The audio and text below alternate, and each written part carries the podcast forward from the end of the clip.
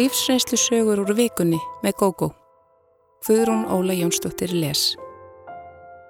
Lífsreynslu sögur vikunar er í bóði úldraktiv magnesiumtablana. Með úldraktiv magnesiumtöflunum færðu meira út úr deginum, aukna orku, minni vöðvaþreitu og betri sveppn. Úldraktiv magnesiumtöflunar fást í öllum helstu apotekum landsins. Kvöldið sem ég kisti stelpu. Ég hafði barist lengi við þá tilfinningu að laðast ekki að gagstæðu kyni. Í mínum huga voru það óskráðu lög að eignast kærasta og þegar ég varð 14 ára einsetti ég mér það að missa meitdóminn. Mér var í raun sama hver er þið valin til verksins. Fyrir mér var þetta verkefni sem þurfti að leysa og það sem allra fyrst. Þegar ég kynntist Björgu breytist síðan allt. Ég var stött í þemapartíi og setti mig reglulega vel inn í hlutverki sem ég leik. Sama kvöld neldi ég sætanstrák niður í sófan og réðst á hann eins og hungraður úlfur. Hann hafði enga ástæðu til að halda annað en ég væri þölvön í ástarallótum og ég einsetti mér að telja honum trúum að hann væri sannarlega ekki svo fyrsti sem ég kisti. Við gerðum vissulega meira en að kissast og í lokvöldsins gæti hugga mig við að veri ekki lengur saklus og óspjölluð. Næstu ár liðu og ég lokaði sífilt meira og meira á þessa leindu þrá mín að heitlast af konum. Ég hittist ráka og prófaði mig áfram í viltustu æfintýrum en enginn þeirra heitlaði mig. Mér var ekkert heilagt nema þetta eina sem ég þráði, að vera með stelpu. Engut veginn þróaðist það nú samt þannig að samkynniðar stelpur urðu sífelt fleiri á vegi mínum. Eflaust sótti ég sjálf í þann félagskap, ómeðvitað, en ég taldi mér trúum að þetta væri örlög mín og ég gæti ekkert gert til að íta þeim í burtu. Margar þeirra gengu hartað mér og ég þóttist vera fórnarlamp, eins gagkinnheið og ég taldi sjálfur mér um að ég væri.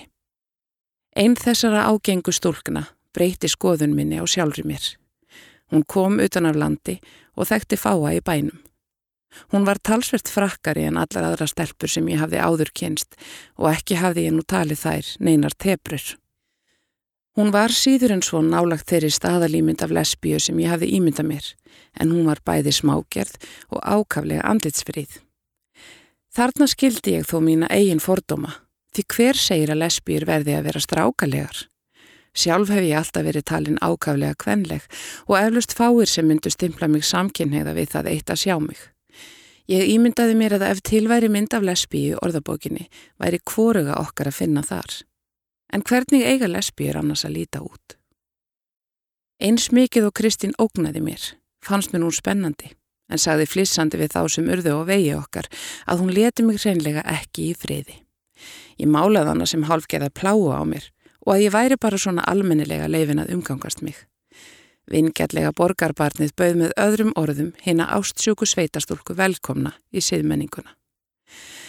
Við Kristín komumst aldrei í neitt návi í hvað snertingu varðar en ég er sannferðum að hún opnaði ákveðnar dyr í lífi mínu. Hún þraungvaði mér til þess að trúa því hvaða mannesku ég hefði að geima innst inni en hafði aldrei leift út. Og það var einmitt það sem gerðist. Nótt eina, eftir mikið skemmtanahald, var ég nýlega skriðin upp í rúm þegar ég heyri bankað á gluggan minn. Mér krossbrá, skiljanlega, en það vísaði gluggin að herbyrginu mínu út í afgirtan garð En á þessum tíma átti ég enn heima í foreldrahúsum sem var stórt og mikið hús með mörgum glöggum. En í dag skil ég ekki hvernig Kristingat getið sér þess til að þessi tiltekni glöggi væri minn nema hún hafi bankað á þá alla. Ég dró í skindikartinuna frá og við mér blasti andlit hennar bóstaflega límt upp við rúðuna en þessa nótt kingdi niður snjó. Kristín var ákaflega falleg þar sem hún stóði mitti síðu mingapelsi og var nánast allsett kvítum sindrandi snjófliksum. Augun hennar voru eiturgræn og mér fannstu skjóta gneistum. Eldrauðar varirnar bærðust ekki og svipurinn var graf alvarlegur. Hún leitt helst út fyrir að hafa myrt mann og ömmu hans líka. Mér fannst hún meira en lítið ókvænleg og vissi hreinlega ekki hvers hún væri vís en það þekktumst við lítið. Ég bendi henni á að koma að hurðinni sem hún gerði og það rættum við lítilega um ómögulega framtíðarmöguleika okkar.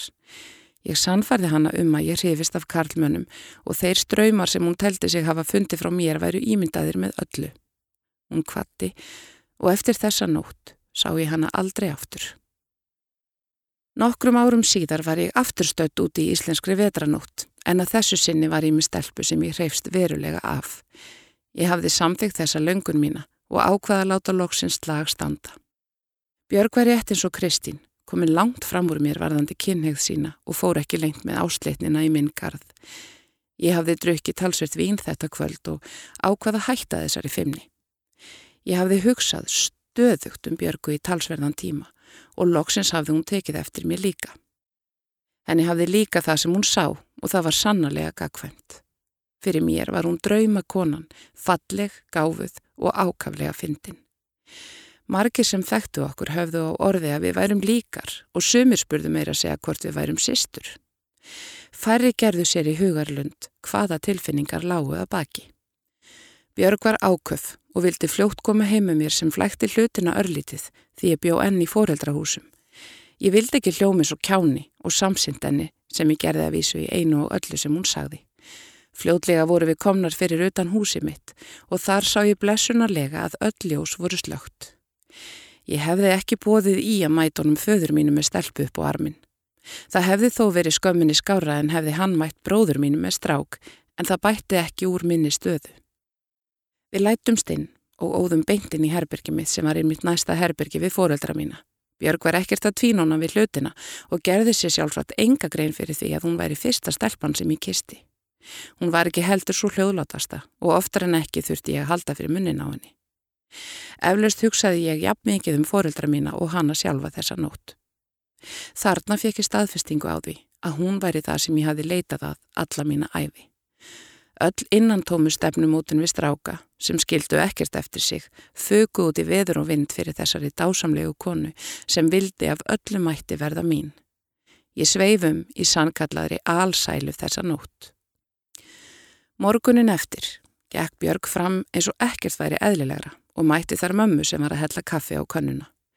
Ég vildi ómögulega láta hann að vita að fyrir mér væri þetta talsvert mál og ímsar spurningar sem myndu vafalus kveikna hjá fjölskylduminni við þennan mögulega samruna. Mér til mikillar förðu kifti mamma sér ekkert upp við þessa óvendu vinkonu sem hafði fengið að gista. Ég reyndi að þela nýtilfengið brosið og fyririldin í maganum gerði mér lífsins ómögulegt að koma morgunmatnum niður Svona var þá ástinn. Ég veit ekki hvort mamma gerði sér einhverja grein fyrir alvarleika málsins á þessum tímapunkti eða hvort hún hafi haldið að Björg væri eins og hverjanur vinkona sem hefði glemt liklunum sínum eða ekki átt peninga fyrir legubílum heim. Einst lætist að mér svo spurning hvernig foreldrar mínir hefðu tekið því að vinur bróður míns hefði byrst óvænt inn úr Svefnurberginu hans með úvið hár og sælubrós á vör. Ég mun aldrei komast að svarinu við því Enda hefur bróður minn alltaf hrifist óumdeilanlega af stelpum, en ég vona svo sannarlega svar við því sé jafn jákvætt og mitt. Við rættum þennan morgun aldrei framar, en Björg hefur setið sem fastast við liðið mér síðan þetta örlegaríka kvöld. Fordómar eru oft og tíðum ofmetnir og margir halda að þeir séu að bregðast fóreldrum sínum og umhverfi fyrir það eitt að viðurkenna kvatir sínar og tilfinningar. Afleiðingarnar þurfa ekki að vera alvarlegar og hver segir að maður þurfi sérstakka tilkynningaskildu að segja frá kynhugð sinni. Ég hefi það minnst að aldrei þurft að standa skil af neinu slíku, ekki frekar en bróður minn.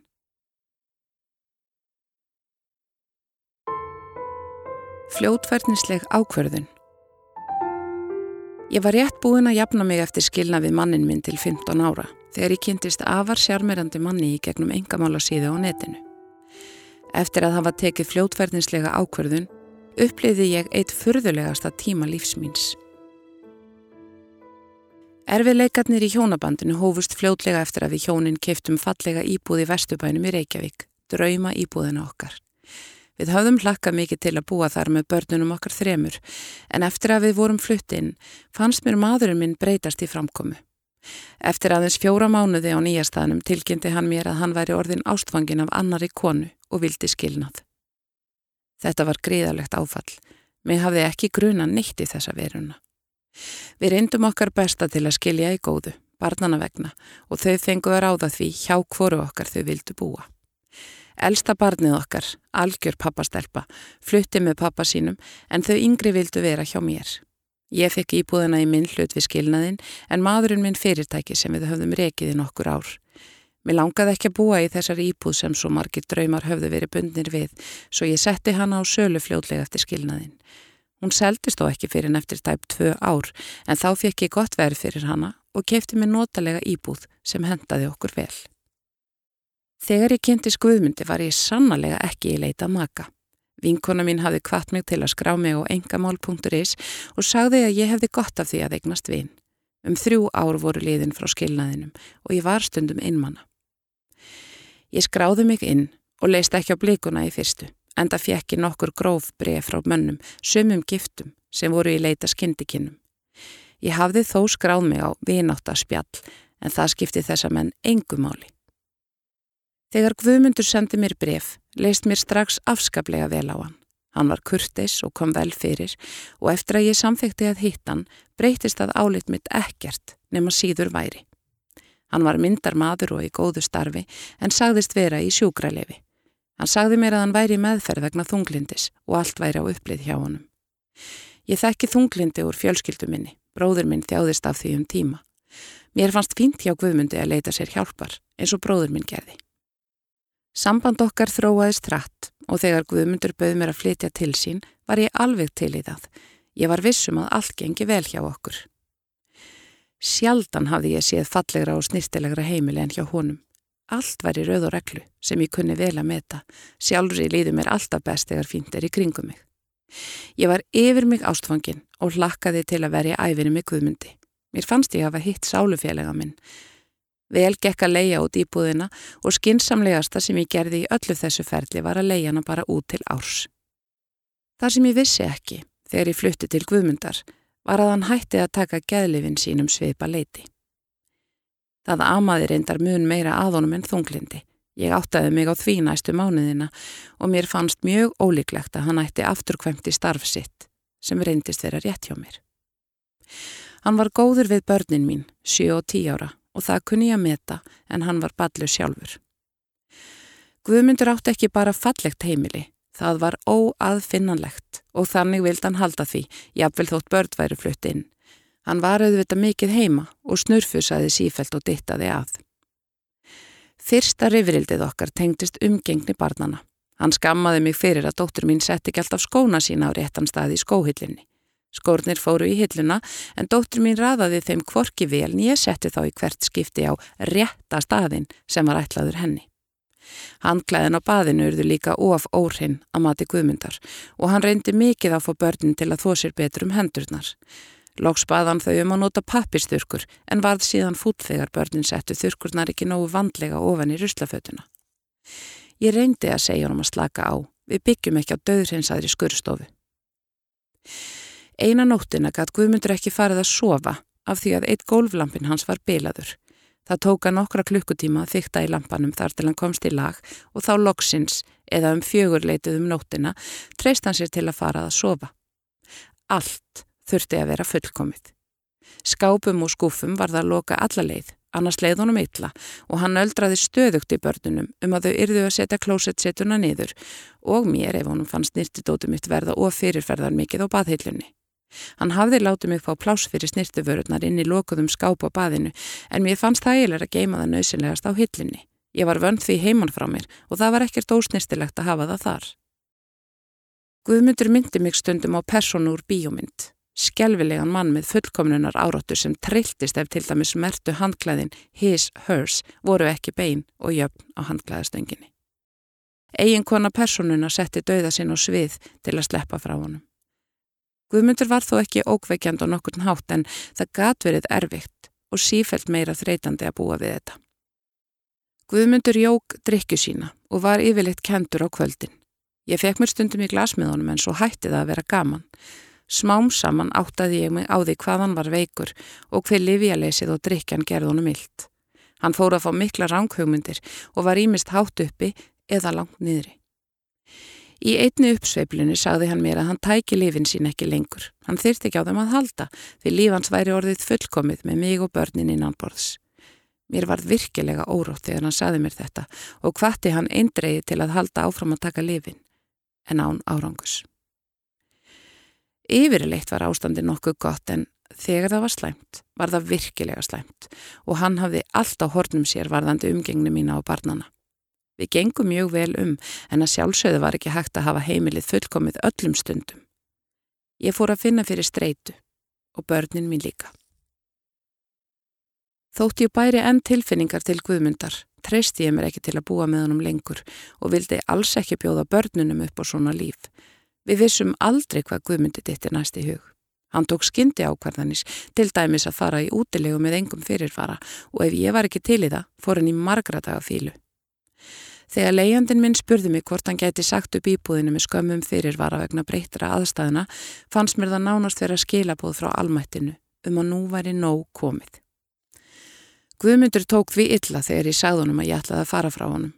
Hann reyndi mikið til að fá mig til að breyta ákvörðun minni en ég stóð við hana og flutti íbúðina mína aftur. Þá hafði sambúðin staðið í tæft ár. Það var gífurlegur léttir að komast heim aftur eftir þennan förðulega tíma og ég fann að börnin urðu mun róleri. Þau höfðu lengi verið eins og hengt upp á þráð. Guðmundur reyndi sitt besta til að fá mig aftur til sín. Þegar ég kom heim úr vinnunni í daginn, ekki löngu eftir að ég var flutt frá honum, sá ég risastóran blómvönd standa á borstofuborðinu. Búið var að taka til í íbúðinni, vaska upp morgunverðardiskana og allt var orðið svo fínt að ég vissi hver hafði verið í íbúðinni. Ekkir kort vildi blómvöndinum en ég ringdi strax í Guðmund og spurði hvort hann hefði sendt mér þau. Hann sagðist af að vilja sína mér hver mikið hann elskaði mig. Hvernig komstu inn? spurði ég. Þú glemtir að læsa svaraði Guðmundur að bræði. Mér fannst það ekki líklegt, en það voru engin ummerki um innbrott. Ég bað hann vinsamlegast að láta í friði. Sambandi okkar væri lokið, svo skellti ég á og tók síman úr sambandi. Ég fekk frið í tvo mánuði. Að vísu reyndi hann ofta að ringi mig, bæði úr eigi númeri og leininúmeri, en ég svaraði bara þeim númerum sem ég þekkti. Næst lit hann til sín taka á förstu degi. Ég var döðþreytt eftir vinnuvikuna og lakkaði mikið til að slaka á heima alla helgina. Börnin voru farin til pappasins og planið var að dorma fyrir fram á sjónvarpið um kvöldið. Þegar ég komin á heimili mitt, mætti mér hræðileg sjón. Búið var að möllbrjóta alla vasa og stittur í stofinni, leirtöið mitt lái hrúu á eldurskólfinu, allt brotið. Það sem var uppi á veggjum, eins og ljósmyndir, lágu einnig í brotnum römmum í hrúunni. Ég skil ekki enn í dag af hverju nágrannar mínir urði ekki varir við neitt. Sófasetti mitt var skorið þvers og kruss og algjörlega ónýtt. Söfnebergin hafðu sem betur fer verið látin í friði. Í algjöru áfallir hingdi ég laurugluna. Þrýr ljúfur lauruglumenn mættu á svæðið. Ég sagði þeim að mig grunaði fyrir um sambilismann. Hann væri ekki sáttur við sambandslitin. Guðmundur játaði fyrir lauruglunni að hafa gert þetta og að hann hefði verið með líkilað íbúðinni síðan ég flutti til hans á sínum tíma. Ég var búin að stengleima því. Hann komi örglega oftar í íbúðana því mér fannst stundum eins og einhver annar hefði verið þar. Hlutinni mínu voru á öðrum stöðum en ég hafði skilið á eftir á en ég held að börnin hefði fært á til. Ég var líka alveg grunnlaus. Mér skilst að Guðmundur hafi gert þetta til að ég yrði hrætt og flytti aftur til hans en honum datvist ekki huga ég ringdi beinti laurugluna. Hann var lungu hættur að geta hugsað raugrétt. Ég fekk tjónið bætt en Ég treysti mér ekki lengur til að búa í þessari íbúð svo ég seldana og kefti mér aðra á efstuhæði blokk. Þar uppliði ég meira öryggen í þrýbílisúsinu sem ég hafði áður búið í. Mörg ára eru liðin síðan þetta gerðist og ég hef fengið algjöran frið fyrir guðmundi. Hann býr með konu núna og vonandi er hann farin að taka lifin sín á nýjanleik. Ég held að allt þetta ruggl sem gerðist á sínum tíma sé vegna þess að hann taldi sig geta verið án þeirra. Sjálf er ég komin í sambúð með góðu manni. Hann gengur hræðilega illa um miða við Guðmund en ég er alveg sátt við það eftir fyrir einslu. Heilað vegið verkfæri Vinkona mín var sérlega leitandi á úlingsárunum og það var fátt sem hún ekki prófaði. Í kringum 17 ára aldrun gekk hún í sértrú og söpnuð og þaðan átti hún ekki afturkvæmt um langa hríð. Miklar breytingar gætu skýrt rótleysi Silju vinkonu. Hún hafði tekið skilnað fóreldra sinna næri sér en þremur árum eftir hann flutti hún til Reykjavíkur og byrjaði í nýjum skóla þar sem við kynntumst. Hún var alltaf glöð og kátt en eirðarlaus. Á tímabili sótt hún mikið í að fá að koma með mér heim eftir skóla og dvaldi þar oft fram á kvöld. Pappi Silju var einnig fluttu til Reykjavíkur og komin með nýja konu og mamminar búin að kynast manni sem var flutturinn á heimilið. Ég veit að mömminar var alls ekki samum hana en hún var vissulega mjög upptekinn af nýja manninum, svo mjög að Silja gekk nánast sjálfvala og lítið var fylst með ferðumennars. Hún lifði tvöföldu lífi á þessum árum, hjekk með mér virkadaga sem góða stelpan og af því að ég stalst ekki með henni niður á hallarinsplanum helgar fann hún sér aðra vini til þess. Silja kynntist fjöldafólks í leit sinni að einhverju sem hún vissi ekki hvað var. Hún prófaði ímis eiturlif, komst í að síðar, en var svo heppin að áneytast þeim ekki. Við vorum enn vinkonur, en í mun minna sambandi þegar hún frelsaðist inn í lítinn söpnuð. Hún bauð mér í heimsókn í húsi sem fólkið í söpnuðinu bjói, saman í kommunu. Þau virtust söm og fullvissum að trú þeirra væri svo eina rétta. Þarna fann Silja skjól og kærleiksríka fjölskyldu og ég gata alveg samglaðst enni. Söpnuðurinn var erlendur að uppbrunna en flestir meðlimir hans hér á landi voru þó íslenskir. Smám saman mistu við Silja sambandið en það fórum við ólíkar leiðir. Um svipa leiti og ég fór í háskólanám flutti hún til útlanda og gerðist trúbóði fyrir söpnuðin. Ég fretti ekkert af henni í mörg ár. Um það byrj 15 árum eftir að Silja kvarf til útlanda flutt hún heim aftur. Við hittumst fyrir algjöra tilviljun í matveruverslun tveimur árum setna og það urðu miklir fagnaðar fundir. Hún sagði mér að hún væri hætti söpniðinum og loks komin til sjálfura sín. Þetta hafi allt verið mikið rugg, það hafi bara tekið hana langan tíma að sjá það. Ég bauði henni heimsökt til minn fljóðlega og hún þáði það. Nokkrum dögum setna kom hún. Maðurinn minn var á ráðstöfni í útlöndum og átt ára dóttur okkar hafði fengið að gista hjá vinkonu sinni svo við Silja hafðum húsið útaf fyrir okkur. Það var svo gaman hjá okkur. Við töluðum saman í marga klukkutíma en það þurftum við að vinna upp einn og hálfan áratug á einni kvöldstund. Ég saði henni frá því sem hafi gerst í lífi mínu og ítti ekkert á hana með að segja mér frá sínu en það þurfti ekki að hvetja hana. Hún skammaði sín ekkert fyrir að hafa verið auðtrúa, talaði bara um þetta tímabil sem mikla reynslu sem hún hefði ekki viljað missa af. Þannig séð. Silja fór víða um heiminn til að bóða trúsapnaðarins og áttaði sig fljótlega á því hversu stóran var í sniðum. Miklir peningar voru notaðir til að afla nýra fylgismanna. Nýjir meðlimir þurftu að afsala sér öllum veraldlegum eigum sínum sem runnu til aðalstöðvana í bandaríkunum. Silja líti skipunum og fyrstu sjö árin dvaldi hún í jafnum mörgum löndum og bóðaði trúna. Henni gekk mjög vel og fekk mikið hrós frá formunum sapnaðana í þessum löndum. Formuninnir voru það sjálfsögðu karlar en það trublaði Silju ekki á þeim tíma. Hún hefði án Eva haldið áfram trúbóðinu ef ekki hefði verið fundin handa henni eigin maður, ókunnugur breyti. Maðurinn sem hún hafði ekki hitt áður var ekki slæmur en afar sérkennilegur. Henni fannst hann suma daga virka ofurgreindur og aðra daga virtist hann vera langt undir meðalgreind. Silja hefði aldrei valið hann sem eiginmann ef hún hefði fengið að velja sjálf en hlítið þeim skipunum sem henni voru gefnar. Aðrar konur urðu fyrir þessu sama og Silja hafði vitað af þessu möguleika. Henni var sagt að þetta væri guðsvilji og meira þurft hún ekki að vita.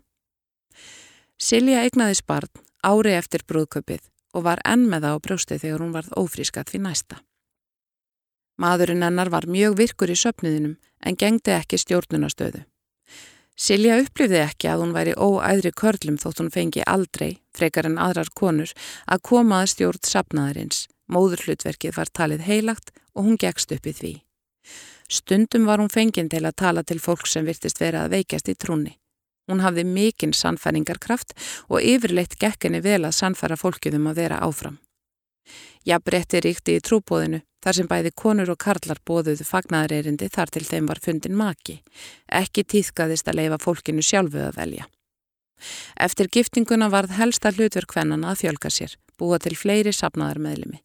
Því var haldið fram á samkomum að jafnbretti ríkti en að konur hefðu þau heilugu forréttindi að geta gengið með börn og því væri það hlutverk þeirra að ala upp börn og meðan karlarnir stjórnuðu. Konurnar máttu ekki nota snirtiförur, þar máttu ekki ganga í buksum og ekki klippa hársitt stutt, en enga reglur gildu um útlitt karlana. Fyrsti vottur að evasemdum fór að bæra á sér hjá Silju þegar börnin hennar byrjuðu að stálpast trólitið. Það var greinilega eitthvað að þeim, sérstaklega því eldra og þrátt fyrir heitar bæni sapnaðarins lagaðist ekkert. Hún vildi láta greina hvað amaði að barninu en maðurinnar fjálst ekki á það eftir að það var ráðgast við yfirmann sapnaðarins, vegir guðs og allt það. Samband hjónana versnaði eftir þetta og áhyggjur Silju af barninu jökust að sama skapi. Eitt daginn tilkynntu hún manni sínum að hún ætlaði að skilja við hann og fara til Íslands með börnin til að fá hjálp fyrir þau. Í kjálfarið var hún reikin á söpniðinum og vinirnir þar, þeir einu sem hún máttu eiga, sneru allir við henni bakinu. Mögulega hefðinni verið gert erfitt fyrir að taka börnin með sér til Íslands en á þessum tíma var allt í uppnámi í söpniðinum. Ljótar frettir hafðu borist frá höfustöðunum. Aðal gúrúin sem liði í vellistingum fyrir peningana sem eðlimir víða um heim sendónum var meðal annars sagaður um að misnóta stúlkur undir lögaldri. Þetta var komið í frettir eitra. Maður Silju saðist ekki trúa einu orði af þessu en titringurinn var svo mikill að fylgismönnum tóka þækka. Söpnuðurinn er enn til, þótt hann hafi minkað mikill en Silja vil meina að hann sé ekki lengur til á Íslandi. Eftir heimkomu gekk Silju allt í hægin. Fjölskylda hennar var allsæl með að endur heimta hana og hitta börn hennar í fyrsta sinn og tók henni mjög vel. Eldra barni fekk loks greiningu hjá fagfólki og góða hjálp í kjölfarið. Það yngra reyndist vera heilbrygt en hafði hermt framkomuna eftir því eldra. Hegðun þess breytist mikið eftir að það fór á leikskóla. Silja hafði kynst góðu manni og skömmu eftir að hún heimsótti mikið fyrsta sinn fóru þau að búa saman. Tvö börn bættist í hópin og heimilislífið var oft ansi fjörugt. Þessi reynsla gerði út af við trú Silju. Á sínum tíma hafði hún þörf fyrir öryggi og festu sem hún fann hjá söpniðinum. Hún segir að eftir áhyggja hafði hún verið heila þvegin yllilega og var auðtrúa verkfæri nota til að abla fjár fyrir aðal gúrúin sem hún dyrkaði sem guð. Á samkomum voru lesin hvetjandi frettabref frá honum með leiðbynningum um það hvernig fólk ætti að hugsa og lifa lífinu. Henni var sagt að hún væri betri manneskja en aðrir vegna trúar sinnar. Fadir barnana hefur komið til Íslands nokkrum sinnum og yngra barnið heimsóttan út. Það eldra ekki, það þarf stífan ramma og mikið öryggi og á erfitt með ferðalög. Silja er nánast vissum að hennar fyrirfinandi sé hættur í söfniðinum en vil ekki viðurkenna það. Egin konu hans gengur að minnsta kosti í buksum sem má ekki í söfniðinum.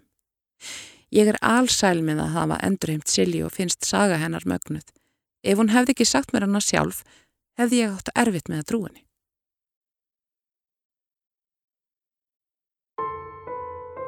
Siðblind stóra sýstir Frá barnasku hefur eldri sýstir mín verið afar ómerkileg persóna. Hún blekti, sveik og stál og stjórnaði okkur sískinunum með harðri hendi. Á fullorðins árum komst hún upp með mjög ósvifið aðtafik akkvart okkur. Við erum fjögur sískinin, þrjár sístur og eitt bróðir. Ekki geti sagt að samlindið hafi verið upp á sitt besta lengstaf og það kenni ég Elsu, elstu sísturinni, alfarið um. Hún virtist njóta þess að etja okkur yngri sískinunum saman og gerði það yðurlega á svo lúmskan hátt að við áttuðum okkur ekki á því fyrir nýkringum úlingsárin. Pappi hafði látið sér hverfa þegar bróðurinn minn var áskamall og stopnað nýja fjölskyldu. Mamma vann mikið og var yðurlega döðþreytt, svo hún vissi ekki hvernig ástandi var. Hún borgaði Elsu fyrir að passa okkur og hafði eflust ekki hugmyndum hvað Elsu tókst að gera líf okkar erfitt í skjóli þess valds sem hún hafði yfir okkur sem batfóstra. Ég fekk fallegt hálsmenn í fermingargjöf. Eitt daginn kvarfðað og ég var miður mín. Nokkrum dögum setna sagði Elsa við mig að hún hefði séð möggu sýstur læðupokast með hálsmennið. Ég var tortrikinn en hún fekk mig þó til að leita í skápum og skuffu möggu sem var ekki heima. Elsa var óvenju hjálpleg og viti menn, hún fann hálsmenni mitt í einni skuffunni. Magga saðist ekki hafa snert hálsmennið, henni fannst mjög undarlegt að það hefði fundist hjá henni. Elsa klagaði í mömmu og möggu var gert að halda sig inn í herbyrgi sínu allt kvöldið. Það var slæmur efsing á þessum árum að fá ekki að horfa á sjónvarpið.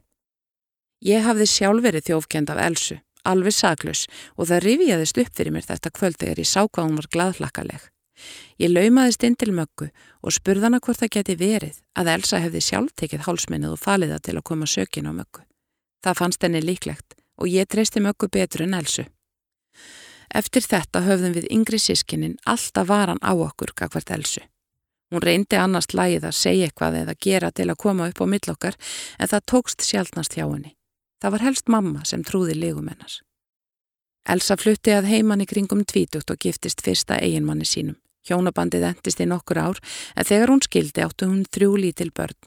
Við makka pössuðum oft fyrir hana og þótti væntum börnin hennars. Mamma misti hilsuna á miðjum aldri eða í kringum 60 og lést fáum árum setna. Við makka sáum að mestu um undurbúning útfararinnar og erfidrykkjuna en enga hjálp var að fá frá Elsu sem hafði aldrei tíma. Bróður okkar bjó í útlöndum og þegar hann kom til landsins aðstóðaði hann á allan hátt. Áður en hann flög heim fórum við yngri sískinninni við reytur mömmu en Elsa mætti ekki þótt við hefðum öll ætlað að hittast.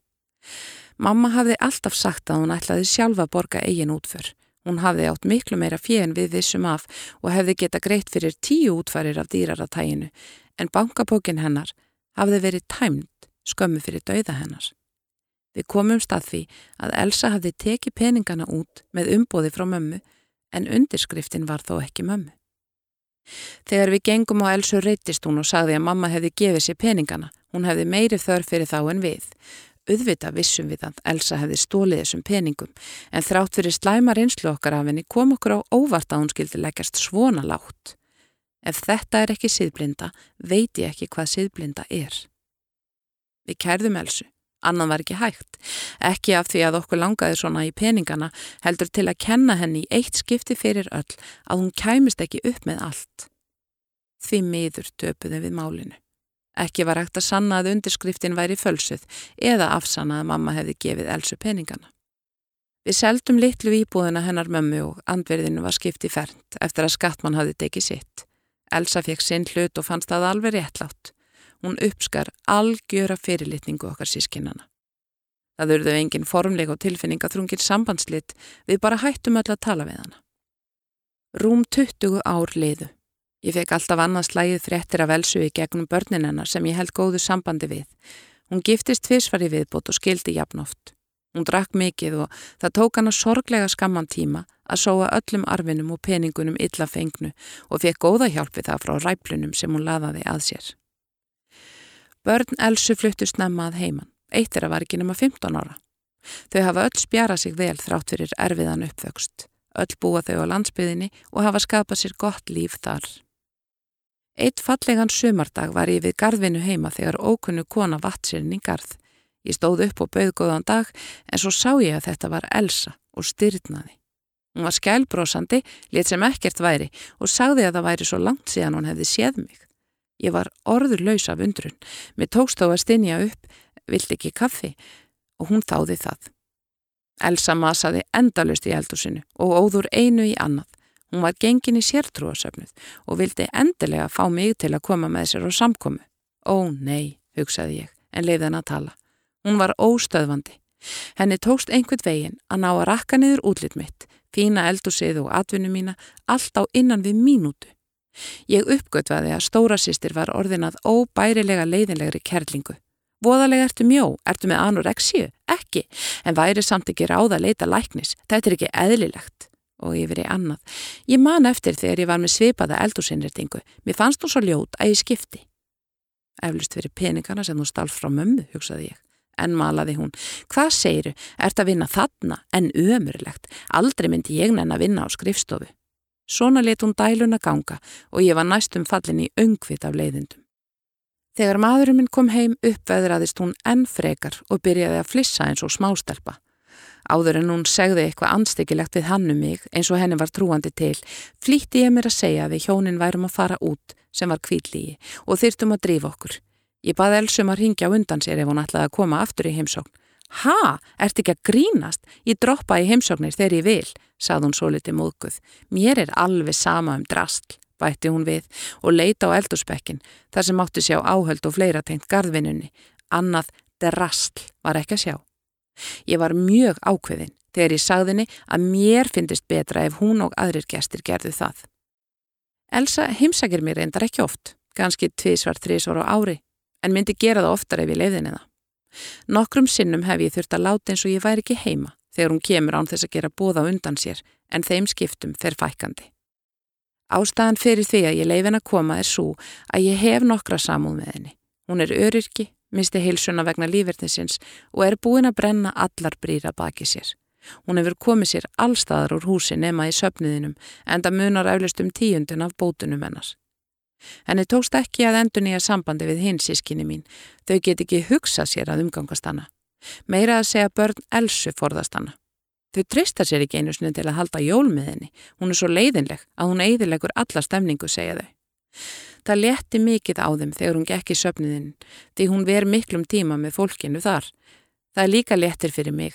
Ég myndi ekki vilja vita af henni einni yfir jól og myndi ég jafnvel gera eigin fjölskyldu brjálaða í einhverju andartags fljótverðni með því að bjóðinni í jólamatinn.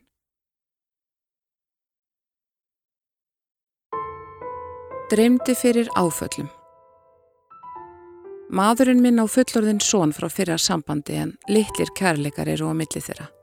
Tvis var dreymdi mig fyrir erfiðum atbyrðum sem tengdust síni hans en í bæði skiptin láðist mér að taka mark á draumunum. Ég hef verið gift kittaðir um 20 ár og hann er kletturinn í lífi mínu. Við eignuðumst indislega dóttur sem lést skömmu eftir fæðingu en sorgin gerði okkur bara nánari. Áður en við Kitty kynntumst bjó hann með konu og eignaðist són Kitty var drikkveldur og eftir að sónurinn, Einar, fættist laug sambúðinni. Hann ringdi af og til í barsmóður sína og spurði frétta af drengnum og sendunum gjafir en feðgarnir hittust sjaldan. Kitty vann víða um land og eitt árið dreif hann sig í meðferð og ekki svo lungu setna kynntumst við. Fljótlega fann ég að Kitty þurfti aðstóð mína við hann á betra sambandi við drengin sem var þá í kringum tíu ára og ég reyndi mitt besta. Barsmóður hans hafði ekki geta treyst á Kitta fram að þessu og það var eins og hún vildi setja einað barninu. Þótt aðstæður hefðu breyst, skipti það hana engu máli. Það var eins og einni mislíkaði að Kitti væri komin á beinubrautina og hefði eignast konu. Einar gisti því aldrei hjá okkur en feðgarnir fóru stundum saman í íspíltúr. Einhverja hluta vegna var drengnum í nöp við mig frá upphafi, þrátt fyrir að ég reyndi mitt besta til að ná vinóttu hans. Ég sá til þess að Kitty gæf honum vegleri gafir en áður, ég böst ráknum í mat og lagði mig alla fram, en hann var alltaf jafn fjandsamlegur við mig. Einar átti lengi góðan stjúpföður og það geti haft eitthvað að segja varðandi fálæti hans gagvart okkur. Ég efast þó ekki um að móður hans hafi eitrað huga hans í gard okkar Kitta. Einar var um tvítugt þegar hann náði sér í kærustu og fljótlega eignuðust þau barn. Í fyrstu heimsók þeirra til okkar með barnið tóki það í fangið og fór að kjá framann í það en það virtist fara fyrir brjóstið á unga parinu. Einar tók barnið að mér og rétti af hann um það. Ég sárnaði mikið. Þetta voru skýr skilabóð svo ég reyndi ekki framar að halda á barnið þeirra þótt mér langaði til þess. Ég er ekki langrækin og hjælt áfram að senda barninu fött og leikfung annars lægið. Barnið var að verða tveggjára þegar þau komið næst í heimsókn. Það var skömmu eftir jól. Þegar þau voru að fara saði kærasta einas við barnið, segðu takk við afa fyrir öll fallegu fötinn sem hann gaf þér í jólagjöf. Ég varð allt í einu ríkalega pyrruð því allar gjafir voru frá okkur kitta báðum. Það var ég sem kefti þessi föt og sendi ykkur. Það er ég sem séum að kaupa allar jóla og afmælisgjafir, bæði til ykkar og barsins, saði ég. Það kom á unga parið en ég fikk enga afsökunarbeginni. Þegar þau voru farin saði Kitty að ég hefði verið augnabliki snegri en hann að segja eitthvað við þau. Hann væri að missa þólimæðina. Eftir þetta leti Kitta um að kaupa gjafir handaði. Tæpu árið setna giftist unga parið. Ég bjóst við að mér yrði ekki bóðið en nafni mitt var á bóskortinu. Kanski var alltaf breytast. Nokkrum dögum fyrir brúðköpi dreymdi mig óþægilegan draum sem ég reði þannig að við ættum ekki að fara. Kitty saðis ekki trúa á drauma og vildi meina að ég væri bara kvíðin. Ég ákvað á síðustu stundu að fara en mér var ekki rótt.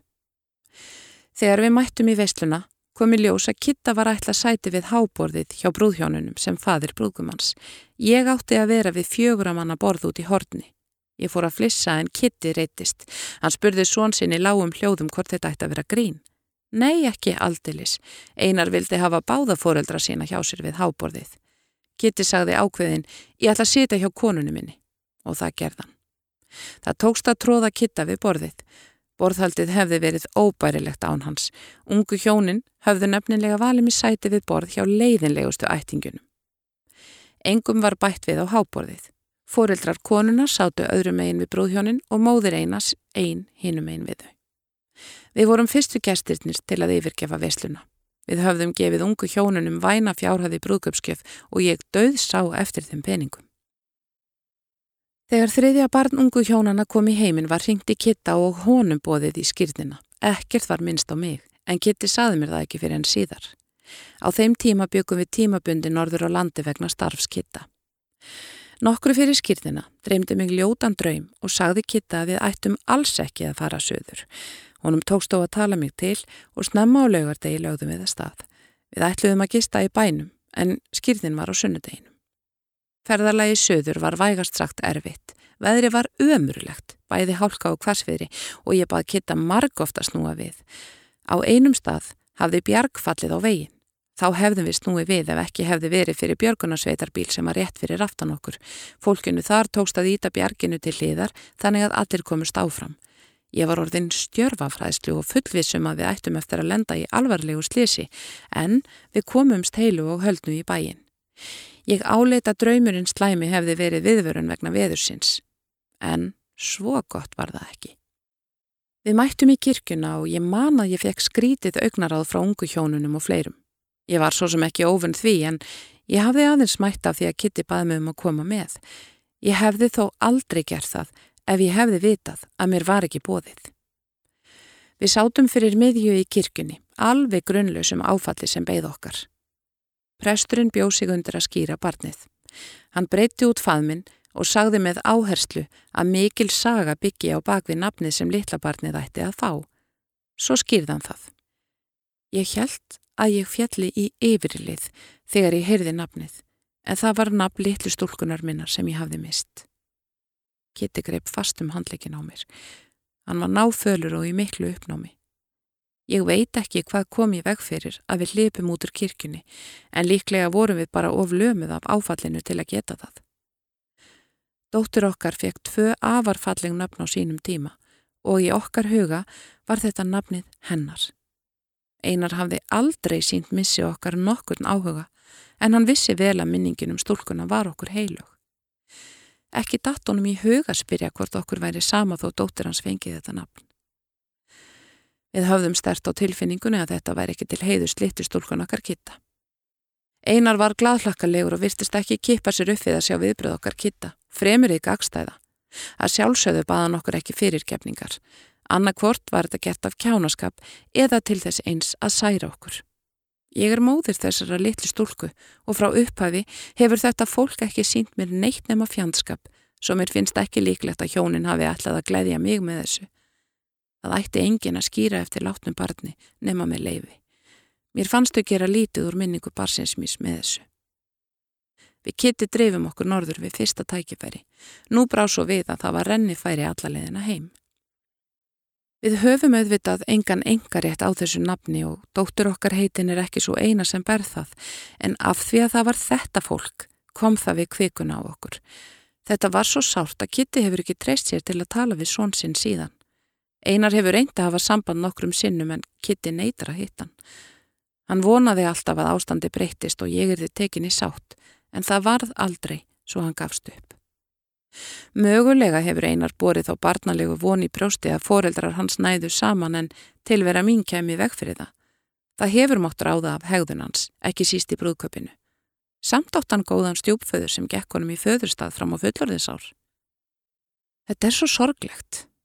Ég hefði viljað hafa svon mannsins mín svo fjölskyldu í lífi okkar, bjóða þeim í mat, passa fyrir þau og degra við börnin þeirra. En það er ekki ég heldur ungu hjónin sem hafa komið í veg fyrir það með þessum óskiljanlega fjandskapi minn garð þótt ég hafi aldrei gert þeim neitt. Ef einari var innrætt frá æsku að hata mig, tókst svo innræting vel, en hún hafði samt að lokum af honum föðurinn og afa batnana hans.